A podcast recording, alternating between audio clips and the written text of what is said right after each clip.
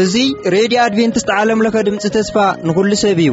ሬድዮ ኣድቨንትስት ዓለምለኸ ኣብ ኣዲስ ኣበባ ካብ ዝርከብ እስትድዮ እናተዳለወ ዝቐርብ ፕሮግራም እዩ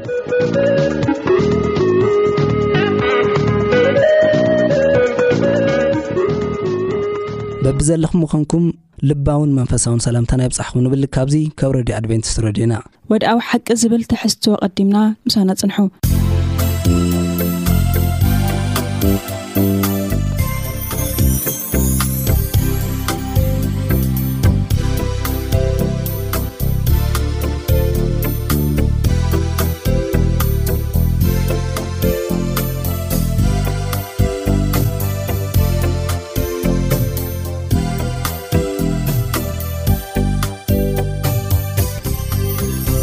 ሰላም ኣምላኽ ብብዘለኹሞ ንኣኹም ይኹን ዝኸበርኩም ተኸታተልቲ መደባትና እዚ መደብ ወድዓዊ ሓቂ እዩ ሎሚ ከዓ ከምቲ ልሙድ ምሳኹም ክንፀንሕ ኣብ ስትድዮ ተራኺብና ኣለና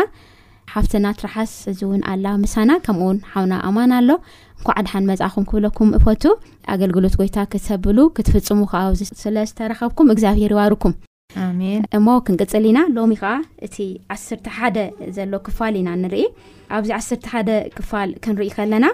መጽሓፍና ያው ዘፍጥረት መጽሓፍ እዩ ነጽንዕ ዘለናና ኣብ ዘፍጥረት ምዕራፍ 37 38 ከምኡ እውን 39 እስካብ ኣርዓ ኣብ ዘለው ኣርባዕተ ምዕራፋት ኣድሂብና ኢና ምሳኹም ብሃባር ክንጸንሕ ከም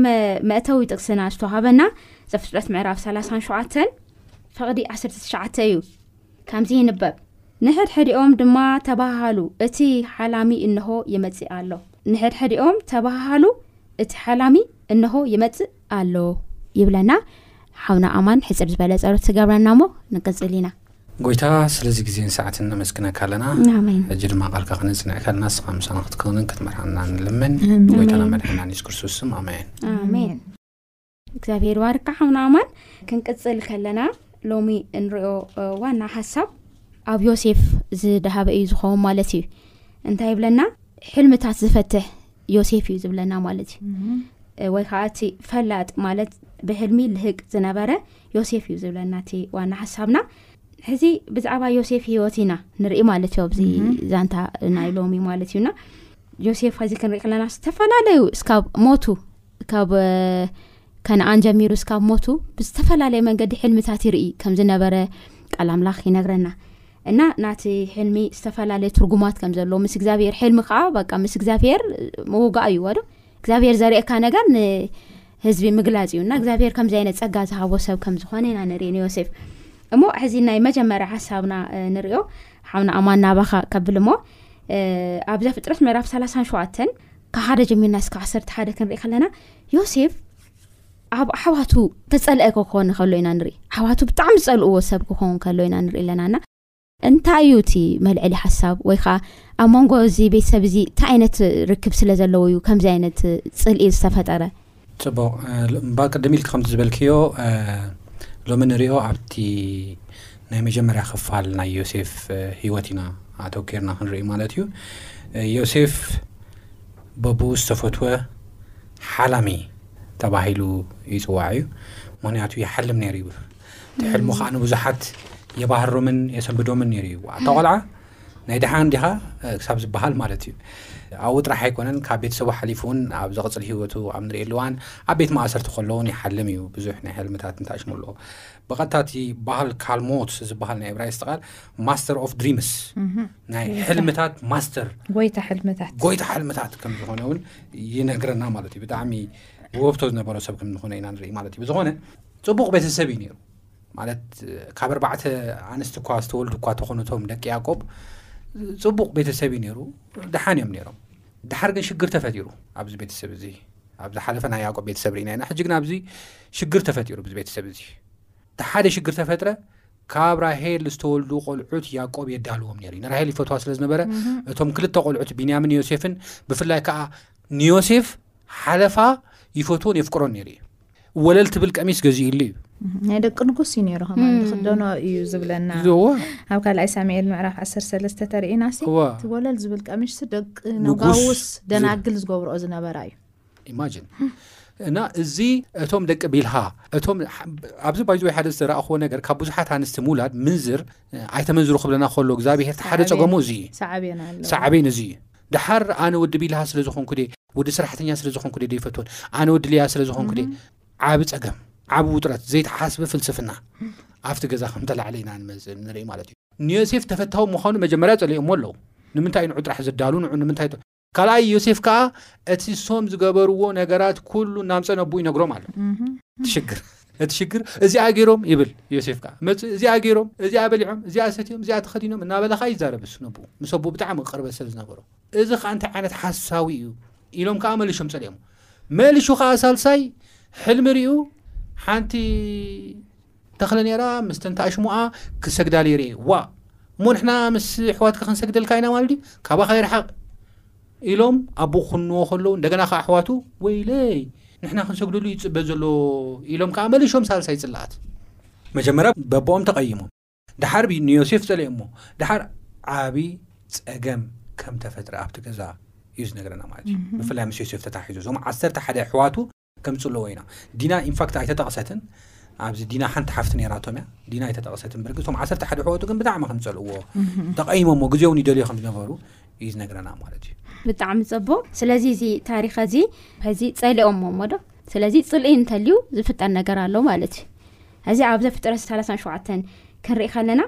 እቲ ፅልኢ ተኸቲሉ ዝመፀ ሽግር ኣሎ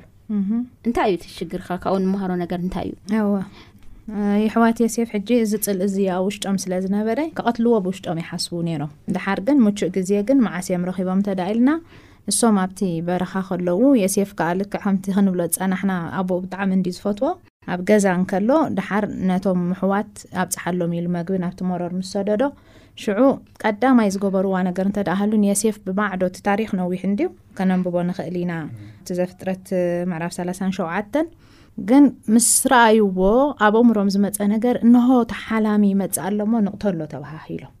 ደሓር ሕጂ ብዚ እቲ ታሪኽ ምስ ረኣናዮ ካብቶም ኣሕዋት ቁሩብ መን ይሕሹ ኢልና ንሓስብ ሮቤልን ይሁዳን ካብ ሮቤል ከኣ ይሁዳ ይሓይሽ ሮቤል እንታይ ኢሉ ቅትለት ናይ ሓዉ ክርኢ ኣይደለየን እሞ ካብ ንቕትሎስ ኣቶም ኣሕዋተይ ኣብዚ ጉድጓድ ንደርብዮ ኢሉ ደሓር ይሁዳ ከኣኒ እንታይ ንግበሮ ኢሉ ካብ ርሑቕ ክመጹ ምስ ረኣዮም እቶም ነጋዶ ኣግማል ሒዞም ንሽጦ ናብዞም መን እዩ ዝበሎም እሶም እዮም ዳሕራይ ናብቶም ግብፃውያን ዝሸጥዎ ቅድሚ እዩ ነይሮም ናብቶም ግብፃውያን ዝሸጥዎም እቶም ሓለፍቲ መገዲ ንሳቶም እዮም ናብ ግብፃውያን ሸይጦሞም ደሓር ሸይጦሞ ሕጂ ኣነ ብዚ ዝገርመኒ ነገር ስኒ ክቱር ፅልዒ እዩ ነይርዎም የሕዋት የሴፍ ኣብዚ ግን እቲ መደብ ኣምላኽ ክፍፀም ስለ ዝተደልየ እዩ እምበር ክቐትልዎ እኮ ምኽኣሉ ነይሮም በቲ ኮኑ በቲ እኮ ካብቲ ናይ ዕዳ ደም እኮ ነፃ ኣይኮኑን ይሕዋቱ ንምንታይ ሓውና ሕሱም ኣራዊት በሊዕዎ ኢሎም ጤል ሓሪዶም ነቲ ክዳውንቱ ብደማ ጨፊቖም እዮም እኮ ናብ ወብኡ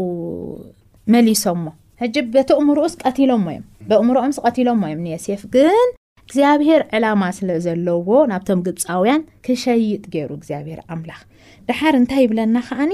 እግዚኣብሄር ግና ምስኡ ነበረ ይብለና ምስ መን ነይሩ እንተ ኢልና ምስ የሴፍ እዩ ነይሩ ሕጂ ኣብዚ ሓደ ዘይሓሰቡሉ ነገር እንታይ ኣሎ እንተ ኢልና ይሕዋት የሴፍ ብዛዕባ እቲ ክመፅእ ዝኽእል ሳዕቤን ኣይሓሰቡሉን ኣቦኦምሲ ኣብ እርግኖ እዩ ነይሩ ሕጂ የሴፍ እሞ ከዓ ሓለፋ ኩሎም ኣዝዩ ከም ዝፈትዎ ይፈልጡ እዮም ነይሮም። ሕጂ ኣብቲ ቦታ ናይ ኣቦኦም እውን ክኣትዉ ኣይከኣሉን። እቲ ነቦኦም ክስምዖ ዝኽእል ጓሂ፣ ሓዘን፣ የሴፍሲ ሕሱም ኣራዊት በሊዕዎስ ብደይ ንሱስ ብጣዕሚ እዩ ዝፈትዎ። ትፈትዎ ውላድካሲ ዋላ ደይትፈትዎ ዋላ መሸገር ውላድካ እውን ይኹን ውላድካስ ሕማቕ ክረኽቦ ኣይትደልን ኢኻ። ንየሴፍሲ ኣቦኡ ኣዝዩ ስለ ዝፈትዎ ዝነበረ ብዛዕባ እዚ ናይ ኣቦኦም ሓልዮትሲ ክስምዖም ነይርዎም እቶም ኣሕዋት። ኣብዚ ግን እንታይ እዩ ዘርእየና እንተድኣ ኢልና በቃ እቲ መደብ ናይ እግዚኣብሔር ኣምላኽሲ ሕነ እዮም ዝፈዱ ደለዉ ሕጂ መጀመርያ ምስ ረኸብዎ ከዓ ክቐትልዎ እዩ ሓሳብ መፂሎም ግን ናብቲ ጉድጓድ ከም ዝድርበ ካብ ጉድጓድ ኣውፅኦም ከም ዝሸጥዎ ምግባሮም እዚ በቃ እቲ ፅቡቕ ታሪኽ ወይ ፅቡቕ ህይወት እግዚኣብሔር ምስ የሴፍ ከም ዝነበረ ዝእንፍት ናይ መጀመርያ ታሪኽ ናይ የሴፍ ከም ዝኾነ ሕጂ ብዚኣ ሓንቲ ክንመሃራ ዝደለኹ ነገር እንተ ደኣ ሃልያ ከዓኒ ፈደይቲ ሕነ ክንከውን ከም ዘይብልና ሓደ ዋላ ያቆቡን ዝገበራ ትክክል ኣይኮነትን ንምንታይ ንኩሎም ደቁ ብማዕረ ክሪኦም ነይርዎ እዚ ምፍልላይ ዘምጾ ነገር እዩ ኣነ መቸም ብጣዕሚ እዩ ዝገርመኒ ንራሄልሲ ማዕረ ክንደይ ይፈትዋ ከም ዝነበረሲ ኣብዚ ቃል ኣምላኽሲ እንታይ ኢሉ ይጅምር የሴፍሲ ወዲ እርግንኡ ስለ ዝነበረ ከም ሓቂ ክንርኢ ከለናስ ቢንያም ይሕሳት ልደ ነይሩ ቢንያም እዩ ከማን ቀንዲ ምስ ኣረገ ዝወለዶ የሴፍሲ በኹሪ ናይ ራሄል ነይሩ ብድሕሪኡ ቢንያም ተወሊዱ ቢንያም እዩ ከማን ዘደንግጽ ራሄልሲ ንቢንያም ክትሓርስ እያ ሞይታ ግን እታ ተስፋ ያቆብ ፈልጣ ስለ ዝነበረ እታ ቦኽርና ካብ ራሄል ዝተወልደ ቦኽሪ ብሓቂ ከዓ እታ መደብ ኮይና እያ ግን እዚ ያቆብ ስለ ዝሓሰቦ ኣይኮነ ግን ኣብ ዘፍጥረት ምዕራፍ ኣርባዓን ሸዓተን ክንሪኦ ከለና ትረሓሰይ እወ ቢንያም ፍልይ ዝበለ ባህሪ እዩ ነይርዎ ዘፍጥረት ምዕራፍ ኣርባዓን ሸዓተን ብዛዕባ ቢንያም ባህሪ ክግለፅ ከሎ እወ ተንኮለኛ ዓይነት ሰብ ከም ዝነበረ እወ ይነግረና እዩ ዘፍጥረት ክምርቆም ከሎ ብምሉኦም እቶም ደቂ ምፅኡ ክምርቆም ከሎ እወ ባህርያቶም ይዛረብ እዩ ዮሴፍ ልምልም ኩን ንጉስ ኩን ይሁዳ ከም ዝኹን እናበለ ይምረቖም ነይሩ እዩ ናብ ቢንያም ክበፅሕ ከሎ ግን ቢንያም ተንኮለኛ ከም ዝነበረ ይዛረብ ካብ ዝተላዕለ ዝፍቶ ይነበረን ካልኣይ ከዓ ቢንያም እንታይ ቤንኦኒ ማለት ወዲ ስቃይ ማለት እዩ ወዲ ስቃይ ስቃይ ዝዘክር ወብስቃይ ዝዘክር ሽሙ ንባዕሉ ትርጉሙስ ወዲ ስቃይ ስቃይ ዝዘክር ሕማም ዝዘክር እዩ ዕረፍቲ ዘይህብ ሕጂ ካይንድ ኦፍ ዛት ብዙሕ እንታይ ሽሙ ትኩረት ዘይገብረሉ ምክንያት ንዑ ይመስለኒ እወ ሓቅኻ እንዲካ ዋላኡ ከዓ ክንርኢ ከለና ያቆብ እኮ እዚ ተስፋ ዝፍፀም በዮሰፍ ኢሉ ኢሉ ሃሰወ ንኡ እዩ ፍሉይ ዝኾነ እብን እኮ ንሓዉ ከታልል ከሎ እቲ ተስፋ ብዓይ ክፍፀም ኢሉ ዝኾነ ተስፋ ልሓዞ ነገር ኣሎ እና ንቅድሚቲ ክኸይዱ እዩ እቲ ኩሉ ዝገብርሎ ግን እግዚኣብሔር ሓሳቡ ቀይሩ ሲ ካብ ዮሴፍ ላይ ኮነን ካብ ቢንያም ላይ ኮነን ካብ ይሁዳ እዩ ኮን ኣሎ እቲ ዝኮነላንምንታይመስካብ ይሁዳ ዝኮነላ ናይ ያቆብ ሰበይቱ ፍልጥቲ ኣብ ኣምላኽ ትፍለጥ ሰበይቲ ሰበይቱ ልያ እያ ራሄል ዚልጳ ዜን ኣንስት ይኮነ ስልካ ከም ምንዘሪ ዘእተወን እየ ታቀንዲ ሰበይቱ እግዚኣብሄር ዝፈልጣ ሰበይቱ ተባሂላ ተጠቂሳ ዘላ ብሓድሽ ኪዳን እውን ሊያ እያ እወ እቲ ይሁዳውን ዝተመርጸ ካብ ሊያ እዩ ካብ ሰበይቱ እም፣ እወ እም። ምክንያቱ ሊያ እያ እታ ናይ መጀመርያ ሰበይቱ እሰ እወ ሕጂ ተመርዒኻ ኢኻ ተመርዒኻ በቃ እወ እወ እሰ ድሓር እቲኤን ተረፋት እየን ሕጂ ኦ ኣነ እውን እኮ እታ ዮሴፍ ብጣዕሚ እወ ዝሓሰብ እታ ያዕቆብ ዝሓሰባስ ኮይና ህሊኣ ኮ- ዝኾነ ህሊኣ ተምስል እወ ንምንታይ እ እቶም ኣሕዋቱ እንታይ ገይሮሞ እዮም ሰጊዶምሉ እዮም ክሰግዱሉ እዮም ሕጂ እቲ ኩሉ ሕልምታት ክርኢ ከሎ ያቆብሲ ብርግፅ እንታይ እዩ ክረኣዮ እቲ ተስፋ ናይ ኣምላኽ ብኡ ክፍፀም ኢሉ እዩ ክረኣዮ ግን ኣምላኽ ግን ናይ ባዕሉ መደብ ኣብ የሴፍ ከም ዝነበሮ ኢና ንርኢ እሞ ሕጂ ኣብዚ ናይ መወዳእታ ናይ ሮቤልን ናይ ይሁዳን ከዓ ኣነሲ ሕጂ ቁርብ መንፈስ ኣምላኽ እኮ ዛረቦም ኣሎ ግን ሓይሊ ረኺቦም ግን ኖእ ሓውና እዩ ኣይንቆትሎን ኢና ክብሉ ኣይከኣሉ ኣብዚ ከምዚ ዓይነት ፅቡቅ ሓሳብ ክመፀካ ከሎ ረድኤት ናይ ኣምላኽ የድልየካ ክትጥይቅ ኣለካ ክትሓትት ኣለካ ኣምላኸይ ሓግዘኒ ሓደ ሓደ ግዜ ንሰብ ይቕረ ክንብል ከም ዝግብኣና ክንብል ንደሊ ብውሽጥና እሞ ገለ ዓይነት ትዕቢት ከዓ ይሕዘና ግን ነዚ ግን እግዚኣብሔር ኣምላኽ ከም ዝሕግዘና ኣሚንና በቃ ንኣምላኽ ሓይሊ ሃበና ኢልና ብዝያዳ ናብ ኣምላኽ ክንቀርብ ይግብኣና ኣሜን እግዚኣብሔር ይመስገን ስለቲ ፅቡቅ ዝኮነ ሓሳብ ማለት እዩ ክንቅፅል ከለና ኣብ ምዕራፍ 38 ክንመፅ ሲ እዚ ዛንታ ዮሴፍ እናኸናስ ኣብ ማእኸል ይሁዳ ኣቲ እዚ ንምንታይ እዩ እዚ ሓሳብ እዚ ኣትዩ ኣማን ናባኻ ከብለካ ሞ ይሁዳ ንምንታይ እዩ ኣብዚ ኣትዩ እው ይሁዳ ቅድም ኢልና ከምቲ ዝበልናዮ ዓይኒ እግዚኣብሄር ዝተመርፀ ሰብ ንሱ እዩ እዋ እታ መንገዲ ብኣ እያ ትኸይድ ዘላ ያቆብ ሕጂቶም ኣንኳር ናይ የሱስ ክርስቶስ እንዲኦም ዝኸዱ ዘለዉ ዝቕፅሉ ዘለዉ ካብ ልያ እውን ስለ ዝኾነት ቅድም ኢለ ዝገለፅኳ ሕጂ እውን ትርሓሰይ ዝበለታ ካልኣይ ከዓ ፎካስ ዝተገብረሉ መፅሓፍ ቅዱስ ፎካስ ዝግበረሎም ዘሎ እቶም ናይ ክርስቶስ ላይን እዩ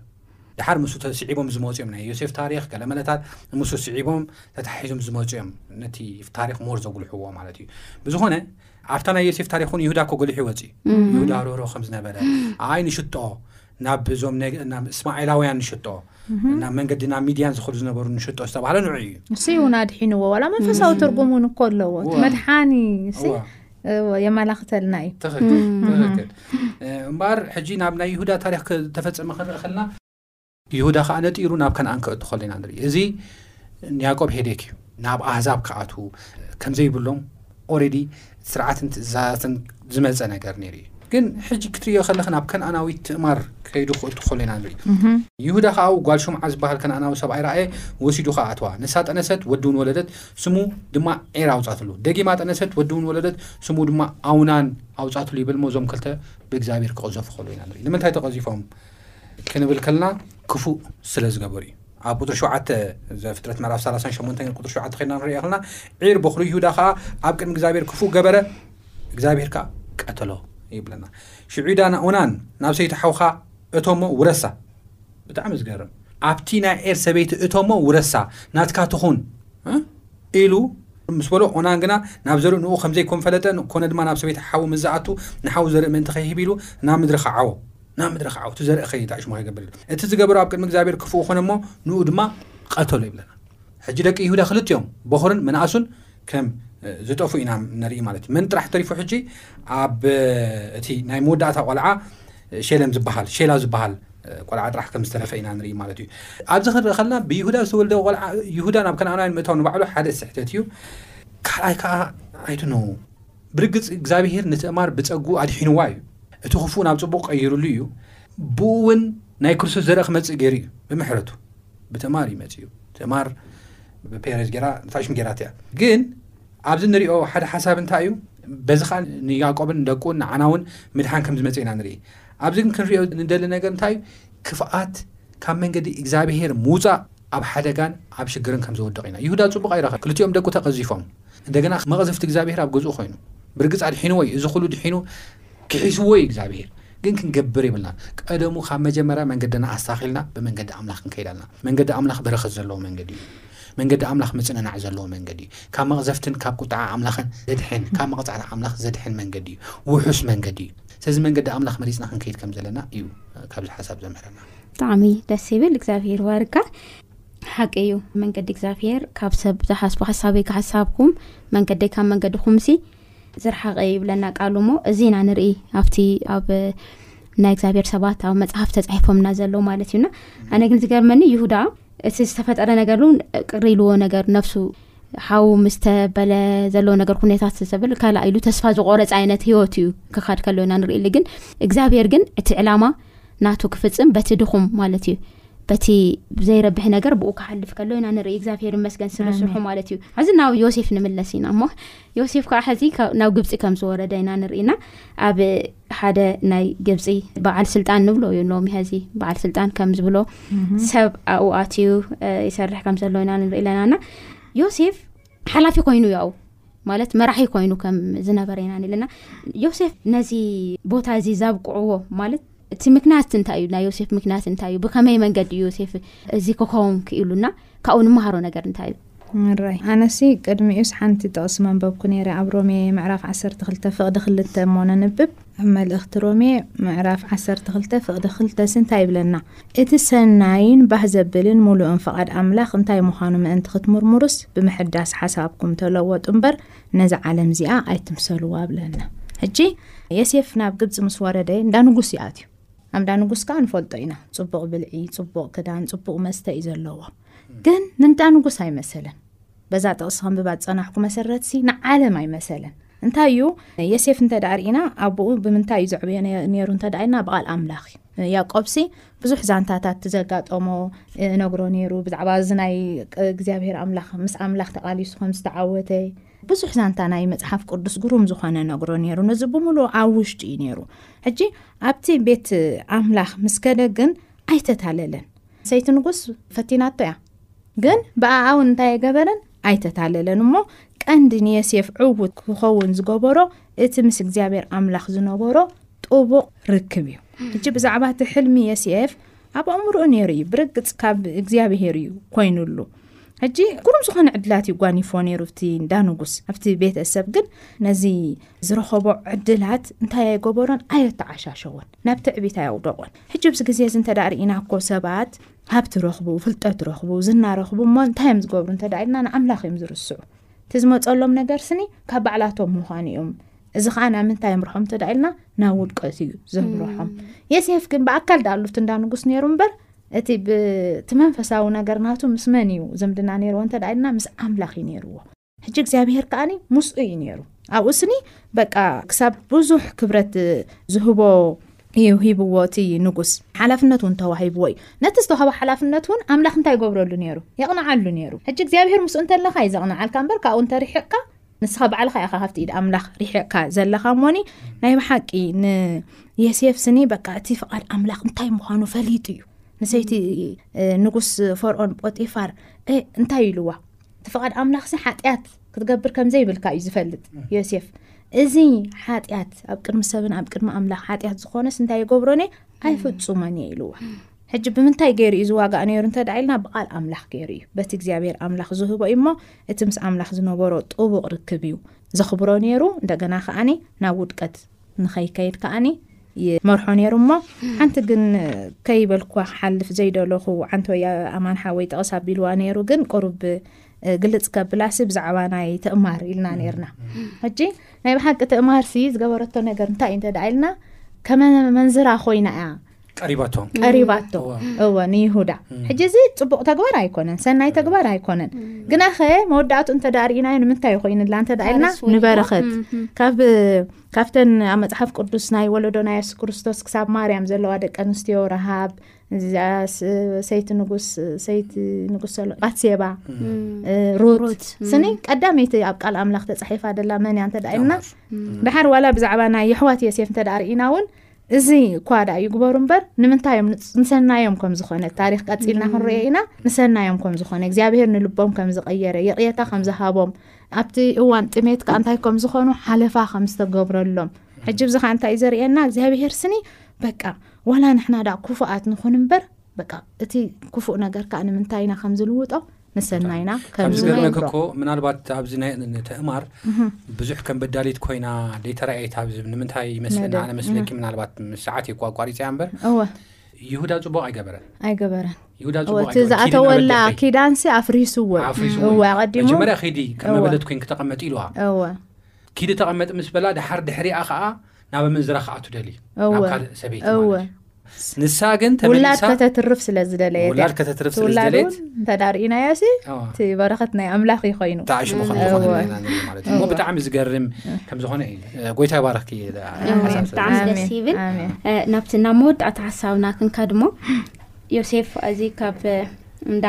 ኣመሓዳሪ ወይ ከዓ ሓላፊ ኣብቲ ናይ ፈርኦም ናብ ካብ ዝነበረ ናብ ፈርኦም ከዓ ክሸግር ከሎ ኢና ንርኢ ኣለና እና እግዚኣብሔር እንድሕር ኣኽቢሩ እግዚኣብሔር እንድሕር መሪሑ ዓብዪ ነገር ኣብ ሂወትና ከም ዝኸውን ንርኢ እናና ማለት እዩና ሕዚ ናይ ፈርኦን ሕልሚ እነዮ እዚ ሕልሚ እዚ እንታይ እዩ ዘመላኽተና ከምኡ ከዓ ካብኡ ከዓ ንምሃሮ ነገር ናይ መወዳእታ ጥቕል ዝበለ ሓሳብ ኣማን ክተቕርበልና እወ እዚ ሕጂ ክልተ ሕልምታት እዩ ኣብቲ እስር ቤት ከሎ እውን ሓሊሙ ነቶም እሱራት ፈትሑ ማለት ሕልሚ ፈትሑ እሱራት ከምኡ ውን ነቲ ፈርኦን ዝሓለሞ እውን ፈትሑ ኣሎም እሞ እዚ ሕልሚ እዚ ብምፍትሑ እዩ ከዓ ንዮሴፍ መዳያይቦ ዝኾኖ ነቶም እሱራት ምፍትሖም ድሓር ነቲ ሓደ እሱር ምስ ተፈትሐ ዋ ፈሮም ተጨኒኦም ስራዮ ዋ ዓደ ከሎ እስሪ ቤት ሕልሚ ዝፈትሕ፣ ኣነ ተሸጊረ እናተኻራኸርኩ ብዝነበርኩሉ ግዜ ዝፈትሓለይ ሰብ ኣሎ ኢሉ ንክፅዋዕ ገይርዎ መዳይቦ ኮይኑሉ ማለት እዩ ድሓር ንፈሮን ምስ ፈትሓሉ ከዓ ሹመት ንክረክብ መውፅእ ከም ዝገበረሉ እግዚኣብሄር ኢና ንርኢ ኣብዚ ናይ እግዚኣብሄር መንገዲ ከመይ ዓይነት መንገዲ ከም ዝኾነ ኢና ንርኢ ስለዚ እቲ ሓላሚ ዝበልናዮ መጀመርያ ቃል ክንጅምር ከለና ሓላሚ ዝበልናዮ ማስተር ኦፍ ጎይታ ሕልምታት ዝበልናዮ ዮሴፍ ንዕቤቱን ንለውጥን ከም ዝኾነሉ ኢና ንርኢ። ንሱ ጥራሕ ኣይኮነን ወጺኡ እውን ከምቲ ዝሓለሞ መጀመርያ ዝሓለሞ ንሱ ኣሕዋቱን ኣቡን ከም ዝሰገድሉ ይነግረና ማለት እዩ። ከምታ ሕልሚ ማለት እዩ። ኣቡን ኣሕዋቱን ከም ዝሰገድሉ ሓሊፉ እውን ንዕኦም እውን ናይ ምድሓን ምክንያት ኣብ ከባቢኡ ኣብ ከባቢ ግብፂ ዝነበሩ ምስሪ ዝነበሩ ሰባት ብምሉኦም እውን ንበረኸትን ንምድሓን ካብቲ ዝነበረ ጥሜትን ካብቲ ዝነበረ ሽግርን ናይ ምድሓን ምክንያት ከም ዝኾነ ኢና ንርኢ ማለት እዩ ስለዚ ኣብዚ ናይ ሎ መዓንቲ ጥቕልል ዝበለ ሓሳብ ክርኢ ከለኹ ዝተምሃርክዎ እንታይ እዩ እንተ ደኣ ኢልና ናይ ኣምላኽ መንገዲ ይፍለ እዩ ካብ ናትና መንገዲ እግዚኣብሄር ነቲ ሓላሚ መጀመርያ ሕልሚ ዘረኣዮ ቆልዓ ብኸመይ ናብ ላዕሊ ከም ዘብፅሖ ዝፈልጥ ኣምላኽ እዩ ነገር ግን እንታይ ክንከውን የብልናን ኣብ መንጎ ኣቲና ልክዕ ከም ይሁዳ ንየሱስ ክርስቶስ ሕሊፉ ዝሃቦ ኣብ መንጎ ኣቲና ንክፍኣት ተሳተፍቲ ክንከውን የብልናን ምክንያቱ ናይ እግዚኣብሄር ሕልሚ ናይ እግዚኣብሄር ትልሚ ኣብ ሂወትና ንከይፍፀም ዝክልክሎ ማንም የለን ማንም የለን ኣብ ጉድጓድ ምእታው ንዮሴፍ ትሕልሚ ንከይፍፀም ኣይገበሮ ኣብ እስሪ ቤት ምእታው እቲ ናይ እግዚኣብሄር ሓሳብ ንከይፍፀም ኣይገበሮ ከምኡውን ንስማኤላውያን ነቶም ነጋዶ ሚዳን ንምሻጥ ናይ የሱፍ ሕልሚ ወይ ድማ ናይ እግዚኣብሔር ሓሳብ ንኸይፍፀም ኣይገበሮ ኮይና ግን እዞም ኩሎም ብፍላጥ ኮነ ብዘይፍላጥ እንታይ ኮይኖም ተሳተፍቲ ኮይኖም ብክፉእን ብፅቡቕን ኩሎም ተሳተፍቲ ኮይኖም እቶም ኣሕዋቶም ብክፉእ ተሳተፍቲ ኮይኖም ኣብዚ መንገዲ እቶም እሱራት ከዓ ንፅቡቕ ተሳተፍቲ ክኾኑ ከሎ ኢና ንርኢ ማለት እዩ ስለዚ ንሕና ብዝተካለና ምስ ሰብ ዘለና ርክብ ጽቡቕ ተሳተፍቲ ክንከውን ኣልና ኣብ ናይ ሰብ ዕቤት ኣብ ናይ ሰብ ለውጢ ጽቡቕ ተሳተፍቲ ክንከውን ኣልና እምበር ሕማቕ ተሳፍታፍቲ ክንከውን የብልናን ዝብል ሓደ ዓቢ እተማሃርኩሉ ነገር እዩ ዝብል ሓሳብ ኣለኒ ኣሜን ኣነ ግን እግዚኣብሔር ይመስገን ንእሽተይ ሓንቲ ት- ክውስኽ ትውስኽ ግዜ ያለሽ? እንተላትና እወ ሕጂ ብዚኣሲ በቃ ንዮሴፍ ኣምላኽሲ ኩሉ ግዜ ናብ ናብ ዝሓሸ የምጾ ሕጂ ዮሴፍሲ ከምቲ ክብሎ ዝጸንሐት ሕልሚ ዘክረኒ ኢልዎ ነይሩ እዩ ካብ ቤት ማእሰርቲ ክወፅእ ከለውን ወጅሃት ከም ዘይነበሮ እዩ ዝነግረና ፀጉሩ ተላፅዩ ደገና ከኣ ትርኢቱ ውን ክዳውንቱ ጽቡቅ ከም ዘይኮነ ቤት ማእሰርቲ ዘሎ ጸቅጢ ከኣ ንፈልጦ ኢና ኣብ ቤት ማእሰርትስ ጽቡቅ ነገር የለን ከምኡ ስለ ዝኮነ ኢዩ ከኣ ዮሴፍ ነቲ ዝነበረ ሕልሙ ዝፈተሓሉ ኣሰላፊ ሜስ ዘክረኒ ዝበሎ ሕጂ ዘክረኒ ኢልዎ ሕጂ ከምኡ ኢሉ ምስ ነገሮ ሽዑ ኣብዚኣ ሓንቲ ደስ ድበለትኒ ነገር ኣላ ማለት እዩ እንታይ ኢሉ ኣብ 25 እንተ ርእናሲ ዬሴፍ ድማ ንፈርኦን በሎ ሕርሚ ፈርኦን ሓደ እዩ ኣምላኽ ክገብሮ ዘለዎ ንፈርኦን ኣግሃደ ሕጂ በዚ ኩሉ ሕልምታትን በዚ ኩሉ ምፍታሕ ሕልምን ዬሴፍ ንመን ይኽብር ሂቡ እንተ ኢልና ንኣምላኽ ይኽብር ሂቡ እታ መጀመርታ ዝበልናያ ጎይታ ሕልምታት ትብል እኮ ምሕላም ጥራሕ ኣይኮነን ጎይታ ናይ ሕልሚ ማስተር ኦፍ ካያ ሳስኒ ድሪምሲ ሕላም ጥራሕ ዘይኮነስ ፈታሒ ናይቲ ሕልሚ ምዃኑ እውን እዚ እዩ ንዕኡ ማስተር ኣቢልዎ እሞኒ እዚ ከዓ ናይ ብሓቂ ካብ ኣምላኽ ምዃኑ ዮሴፍ ከዓ ባዕሉ እዚ ናይ ኣምላኽ ምዃኑ ከዓኒ ኣብ ቅድሚ ፈርኦን ከም ዝመስከረን መጎስ ከም ዝረኸበን ከዓ እዚ ሓደ ባህ ዘብል እሞ ኩሉ እቲ ንሕና ንረኽቦ መጎስ እቲ ንሕና ንረኽቦ ክብሪ ንመን ክንህቦ ከም ዝግባኣና ንምሃር ንእግዚኣብሔር ኣምላኽ ክንህቦ ከም ዝግባኣና እምበር ንዓና ክንወስዶ ከም ዘይብልና ከዓ ካብዚ ናይ ዮሴፍ ክንመሃር ንኽእል ኣሜን እግዚኣብሄር ይባርኩም ዝኸበርኩም ተኸታተልቲ መደባትና ናይ ሎሚ ናይ ዘፍጥረት መፅሓፍ መፅናዕትና ኣብ ዮሴፍ ዘድሃበ እዚ እዩ ዝመስል ግን ናይ ዮሴፍ ዛንታ ኣይተወደአን ኣብ ቀፃሊ ክንቅፅለሉ ኢና ማለት እዩ ንሎሚ ግን እ፣ ሰዓትና ስለ ዝሕዘና ኣብዚ ንዛዝም ኢና ኣብዚ ተረኺብኩም ከዓ ሓሳብ ብምሃብ ናይ እግዚኣብሄር ስራሕ ተኻፈልቲ ንዝኾንኩም ኩሉ እግዚኣብሄር ይባርኩም ክብለኩም ይፈቱ እሞ ንስኹም ከዓ ዝኸበርኩም ሰማዕትና